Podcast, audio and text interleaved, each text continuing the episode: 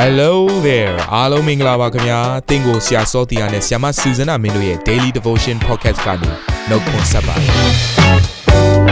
ဆရာနဲ့ဆ iam မတို့ရဲ့အသက်တာမှာဘုရားရှင်ပြုတဲ့ကောင်းကြီးမင်္ဂလာများစွာရှိပါတယ်အဲ့ဒီအထက်ကပြန်လဲစီးဆင်းတဲ့နှုတ်ကပတ်တော်ကိုဒီနေ့မှနားထောင်ပြီးခွန်အားယူကြမှာဖြစ်ပါတယ်နေ့စဉ်10မိနစ်လောက်အချိန်ပေးပြီးမိမိရဲ့အသက်တာကိုကောင်းကြီးဖြစ်စေမယ့်ဘုရားသခင်ရဲ့နှုတ်ကပတ်တော်နဲ့နီးလန်းတွေကိုအတူတကွခံယူကြရအောင်ခင်ဗျာ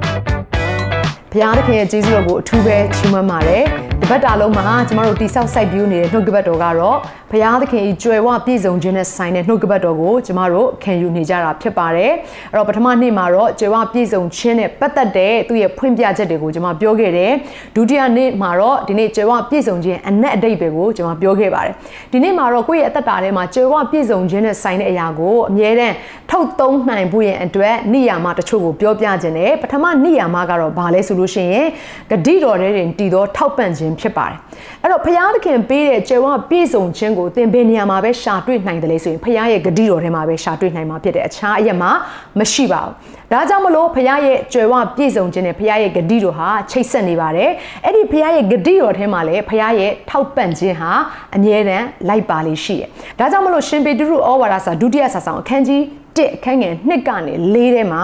ဒီလိုဖော်ပြထားပါတယ်။ ဖျားသခင်ကို၎င်းငါတို့သခင်ယေရှုကို၎င်းတည်သောညံအားဖြင့်ဂျေဇုတော်နှင့်ညီသက်ခြင်းသည်သင်တို့၌များပြားပါစေသောထိုသောနှင့်ညီငါတို့ကိုဘုံတကိုးတော်နှင့်ခေါ်တော်မူသောဖျားကိုတည်သောညံအားဖြင့်ငါတို့အားအသက်ရှင်ခြင်းပေးသနာတော်မူပြီးထိုသို့သောအားဖြင့်လည်းအလွန်ကြီးမြတ်၍အဖိုးထိုက်သောဂတိများကိုငါတို့၌ အပ်ပေးတော်မူပြီးအကြောင်းမူကားထိုဂတိတော်များကိုအမိပြု၍သင်တို့သည်လောကီတက်မှတ်ခြင်းအညစ်အကြေးနှင့်ကင်းလို့သဖြင့်ဖျားပဂတိကိုဆက်ဆံရတော်သူဖြစ်ကြမည်အကြောင်းဒီအဲ့တော့ဖျားကဘာပြောလဲဆိုလို့ရှိရင်ကျမတို့တယောက်ချင်းကြရဲ့အသက်တာထဲမှာတဲ့သူ့ရဲ့ abundance လို့ခေါ်တဲ့များပြားတဲ့ကြွယ်ဝခြင်းတွေကိုကျမတို့ရဲ့အသက်တာထဲမှာသူပေးထားပါတယ်တဲ့အဲ့ဒါကိုစံစာထဲမှာပေးသနာတော်မူပြီးလို့ပြောထားတယ် ပေးသနာတော်မူလိမ့်မည်မဟုတ်ပါဘူး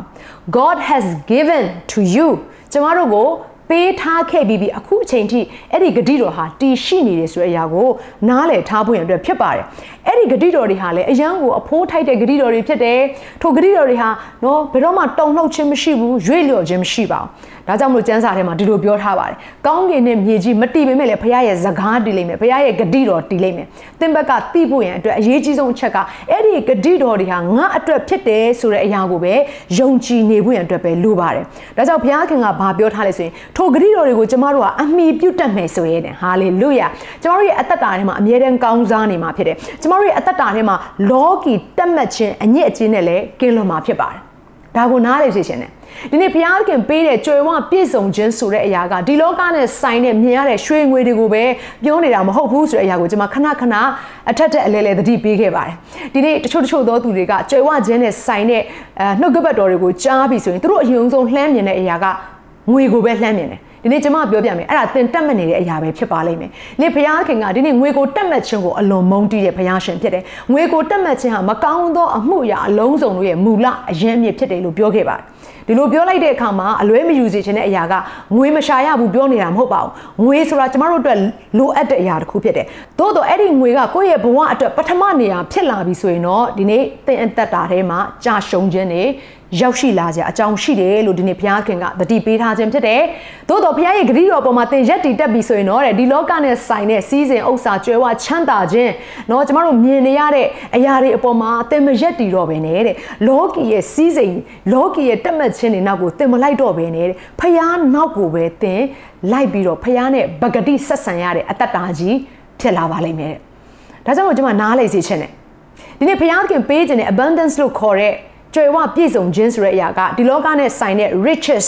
wealthy လို့ခေါ်တဲ့เนาะကျမတို့အဲချမ်းသာမှုတွေကိုပြောနေခြင်းမဟုတ်ပါဘူးတဆင့်မြင့်နေတဲ့အရာဖြစ်ပါတယ်ဒါကြောင့်မို့ထိုကဲ့သို့သောဖျားပေးတဲ့ကြွယ်ဝပြည့်စုံခြင်းအသက်တာကိုသင်ရဖို့ရန်အတွက်ဖျားရဲ့ဂတိတော်တွေကိုမမေ့လိုက်ပါနဲ့ဂတိတော်ဆိုတာယုံကြည်သူတွေအတွက် သိမှတ်ဆွဲလန်းရမယ့်အရာတစ်ခုဖြစ်ပါတယ်အာမင်အဲ့တော့ဒီမှာဆက်ပြီးတော့ကျွန်မပြောချင်တဲ့အရာတစ်ခုကဘာလဲဆိုတော့ဒုတိယနှစ်ရာမှာဖြစ်တယ်အဲ့တော့ဒုတိယနှစ်ရာမှာကတော့ဒီနေ့ဖခင်ရဲ့ဂတိတော်ဟာတင့်အတွက်အမွေဖြစ်တယ်ဆိုတဲ့အရာကိုမမေ့စေချင်ဘူးဒါကြောင့်မလို့လဲကျွန်တော်တို့ယောရှုမတ်စာအခန်းကြီး1အခန်းငယ်2ကနေ3ထဲမှာပြန်ကြည့်လိုက်မယ်ဆိုရင်မောရှေဟာအနိစ္စရောက်တဲ့နောက်ပိုင်းမှာဖခင်ကယောရှုကိုမောရှေရဲ့နေရာမှာရွေးချယ်ခဲ့တာဖြစ်တယ်အဲ့တော့ရွေးချယ်တဲ့အခါမှာဖခင်ကယောရှုကိုဘာပြောလဲဆိုတော့ဂတိတော်ထားရခါနန်ပီထဲကိုဝင်ဖို့ရန်အတွက်အဲ့ဒီခါနန်ပီဟာမင်းတို့ကိုပေးခဲ့တဲ့အမွေဖြစ်တယ်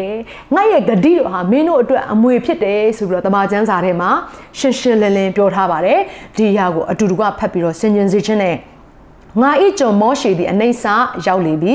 တို့ဖြစ်၍တင်းနှင့်တင်း၌ပါသောလူအပေါင်းတို့သည်ယခုထ၍ယော်ဒန်မြစ်တစ်ဖက်သို့ကူးကြလော့ဣသရေလအမျိုးသားတို့အားငါပေးသောပြီကိုဝင်စားကြလော့မောရှိအားငါဂတိရှိသည့်အတိုင်းတင်တို့နင်းသမျှသောမြေကိုတင်တို့အားငါပေးမည်အဲ့တော့ဘုရားရှင်ကဘာပြောထားလဲဆိုလို့ရှင်ဟေးယော်ဒန်မြစ်တစ်ဖက်ကမ်းမှာရှိနေတဲ့ဒီခါနန်ပြည်ဟာမင်းတို့ကိုငါပေးတဲ့ဂတိတော်ဖြစ်တယ်အဲ့ဒီပြည်တဲကိုဝင်စားကြပါ you have to step on it အဲ့ဒီမြေပေါ်မှာအဲ့ဒီ land လို့ခေါ်တဲ့နော်အဲ့ဒီခါနန်ပြည်ပေါ်မှာတင်တို့ဟာသွားပြီးတော့ခြေလှမ်းလှမ်းရဲပွင့်အတွက်ဖြစ်တယ်။ဘာဖြစ်လို့လဲဆိုတော့ငါဟာထိုကောင်းကြီးမင်္ဂလာနဲ့ဆိုင်တဲ့ဂတိတော်ကိုသင်တို့ကိုငါပေးခဲ့ပြီးပြီလို့ပြောခဲ့ပါတယ်။ဓမ္မဟောင်းကာလမှာဒီနေ့ဣသရေလလူမျိုးတွေဖခင်ရဲ့သားသမီးတွေရတဲ့အရာကတော့ဂတိတစ်ခုပဲဖြစ်တယ်။ခါနန်ပြည်ကိုဝင်စားခြင်းဆိုတဲ့အရာတစ်ခုပဲရခဲ့ပါတယ်။ဓမ္မသစ်ကာလမှာတော့ယေရှုခရစ်တော်ရဲ့ဥဆောင်မှုအပြင်ယေရှုခရစ်တော်ရဲ့လှုပ်ဆောင်ပေးခဲ့ခြင်းအပြင်ကျမတို့ရတဲ့ဂတိတော်ကတစ်ခုပဲမဟုတ်ဘူး။ဂတိတော်များစွာကိုရတယ်။ဘာဖြစ်လို့လဲ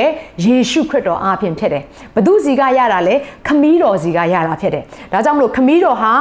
ကျမတို့ရဲ့အသက်တာထဲမှာကောင်းကြီးကိုတွန်းလောင်းပေးတဲ့သူဖြစ်တယ်ယေရှုခရစ်တော်ကတော့ကျမတို့အတွက်ကောင်းကြီးမင်္ဂလာစီးစင်းရာတကဝကြီးဖြစ်ပါတယ်ကျမတို့ကထိုကောင်းကြီးမင်္ဂလာကိုရပြီဆိုရင်အရေးကြီးတဲ့အရာနားလည်ရမယ့်အရာတစ်ခုကဘာလဲဆိုတော့ကျမတို့ရဲ့ဘုံအတွက်မဟုတ်ဘူး ကျမတို့အမြဲတမ်းဒီຢာနဲ့ပတ်သက်လာပြီးတော့ကိုယ့်ကိုယ်ကိုဝါကြွားဖို့ရန်အတွက်မဟုတ်ပဲနဲ့ကျမတို့ရလာတဲ့ကြွယ်ဝပြည့်စုံခြင်းဆိုတဲ့အရာတွေအားလုံးဖခင်ရဲ့ထောက်ပံ့ခြင်းတွေအားလုံးဟာဖခင်ရဲ့ဘုံထင်ရှားဖို့ရန်အတွက်ဖြစ်ပါတယ်။ဒါကြောင့်မလို့ဒီနေ့နော်ရှင်ဘောလူကပြောခဲ့တဲ့အရာခတ်သိမ်းဟာကိုတော့အထဲကဖြစ်တယ်ကိုတော့အားဖြင့်ဖြစ်တယ်ကိုတော့ဘုံအဖို့လုံငါဖြစ်စေရမယ်လို့ သူဟာဝန်ခံခဲ့ခြင်းဖြစ်တယ်။ဒီနေ့ကျမတို့အသက်တာထဲမှာဘုရားသခင်ကကြီးစွာသောသူ့ရဲ့ဂတိတော်တွေနဲ့ကောင်းကြီးမင်္ဂလာကိုပြင်ဆင်ထားခဲ့ပြီးပြီဖြစ်တယ်။ထိုအရာကကျမတို့မြင်ရတဲ့အထောက်ထည်နဲ့နှိုင်းလို့မရတဲ့ကောင်းကြီးမင်္ဂလာဖြစ်တယ်။လိုအပ်တဲ့အချိန်မှာချက်ချင်းရောက်လာမဲ့နမိတ်လက္ခဏာနဲ့ရှင်တဲ့ကောင်းကြီးမင်္ဂလာတွေပဲဖြစ်ပါတယ်။ဒါကြောင့်မလို့ထိုကောင်းကြီးမင်္ဂလာကိုယနေ့သင်နဲ့သင်ရဲ့မိသားစုအသက်တာထဲမှာလိုအပ်နေတယ်ဆိုရင်ဂတိတော်ကိုဆွဲကင်ရမှာဖြစ်တယ်။မမေ့ရမယ့်အရာကအဲ့ဒီဂတိတော်တွေဟာငါရဲ့အမွေဖြစ်တယ်ဆိုတဲ့အရာကိုအမြဲတမ်းဆွဲလန်းနေရမှာဖြစ်ပါတယ်။ရန်သူကတော့ဟေးဂတိတော်တွေဟာတော့သင်ရဲ့အသက်တာအတွက်မဖြစ်နိုင်ဘူးလို့အမြဲတမ်းကျမတို့ရဲ့အုံနောက်အတွေးခေါ်ထဲမှာလာပေးပါလိမ့်မယ်။သင်ကထိုရာတွေကိုကြားရပြီဆိုရင်မာနက်ကိုစီတာပါဖျားပေးတဲ့အမွေဖျားပေးတဲ့ဂတိတော်ဖျားပြောခဲ့တဲ့စကားကိုအမြဲတမ်းဆွဲလန်းနေဖို့အတွက်ပဲဖြစ်ပါတယ်။ဒါကြောင့်မလို့ဒီနေ့သင်ရဲ့အသက်တာထဲမှာဂတိတော်ကိုဆွဲလန်းခြင်းအပြင်လောကီညစ်ညူးခြင်းလောကီရဲ့အညစ်အကြေးနဲ့လွတ်ယုံတာမကဘဲနဲ့ ဒီလောကမှာအသက်ရှင်တဲ့အခါမှာဖရာဘုံထင်ရှားတဲ့အသက်တာကြီးဖြစ်လာပါလိမ့်မယ်။ဒါကြောင့်ဒီနှစ်ချက်ကိုမမေ့ဘဲနဲ့အသက်တာတွေမှာအမြဲတမ်းဇွဲလန်းဖို့ရန်အတွက်အရောက်ချင်းချမ်းကိုနှုတ်ကပတ်တော်အပြင်တိုက်တွန်းလိုပါတယ်။အခုချိန်မှာအားလုံးအတူတူကဖရာမျက်မှောက်တော်ထဲမှာဒိုဝင်ချင်းခဲ့ကြပါစို့။ အသက်ရှင်သောဘုရားသခင်ကိုရောကိုကျေးဇူးတင်တယ်ကိုရောသိတ်ကောင်းမြတ်လွန်ပါတယ်သားသမီးရဲ့အသက်တာထဲမှာကိုရောဘုရားကတကယ်ကိုကြွယ်ဝပြည့်စုံတဲ့အသက်တာကိုရရှိစေဖို့အတွက်အိုးထိုကောင်းကြီးမင်္ဂလာအလုံးစုံကိုကိုရဲ့ဂတိတော်ထဲမှာထားခဲ့ပါတယ်ထိုဂတိတော်ထဲမှာကိုရဲ့ထောက်ပံ့ခြင်းရှိပါတယ်ထိုဂတိတော်ထဲမှာကိုရဲ့မဆခြင်းလမ်းဖွင့်ခြင်းတွေအားလုံးပြည့်စုံနေပါတယ်ဒါကြောင့်မို့သားမို့အသက်တာထဲမှာဂတိတော်ကိုမမေ့လျော့ပဲနဲ့ထိုဂတိတော်ဟာငါတို့ရဲ့အမွေဖြစ်တယ်ဆိုတဲ့အရာကိုအမြဲတမ်းဆွဲလန်းနေစေဖို့အတွက်တန်ရှင်တော်ဝိညာဉ်တော်ဘုရားသားသမီးတို့ကိုမှတ်မိနိုင်သောဉာဏ်ပညာအစွမ်းတက်တွေကို question ပေးတော်မူပါ။အိုးကိုရဲ့ဂတိတော်တွေကိုသားသမီးတွေနှလုံးထဲမှာအမြဲတမ်းတိုးဝက်ပေးသနာတော်မူပါ။ကိုတော်ဘုရားကပဲသားသမီးတို့အတွက်ဟိုအရာခတ်သိမ်းရဲ့အရင်အမြစ်ဖြစ်ပါတယ်ဘုရားသခင်။ဒါကြောင့်မလို့ကိုရောကိုပဲမျှော်လင့်ပါတယ်ဒီလောကနဲ့စီးစိမ် အားလုံးဟာသားသမီးရဲ့ပထမနေရာမှာမဟုတ်ပါဘူးဘုရားသခင်။အိုးကိုရောရဲ့အိုးမျက်မှောက်တော်အိုးကိုရောဘုရားရဲ့ပြည့်စုံခြင်းအိုးကိုရောဘုရားရဲ့ကောင်းမြတ်ခြင်းတွေကသာလဲသားမှုအသက်တာအတွက်ပထမနေရာဖြစ်ပါတယ်။ကိုရောကိုဘုံပေးရဲ့အသက်တာအသီးသီးကိုစက္ကက်အနံတဲ့အခါမှာယေရှုနာမကိုမြည်ပြီးစက္ကက်အနံကြပါလေအဖမြတ်စွာဘုရားသခင်။အာမင်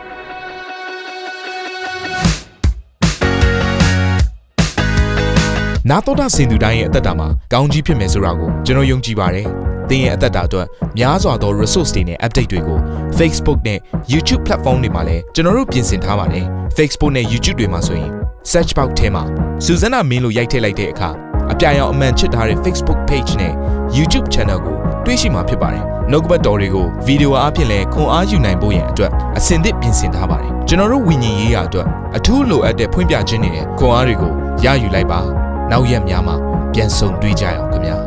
အားလုံးကိုနှုတ်ဆက်ပါတယ်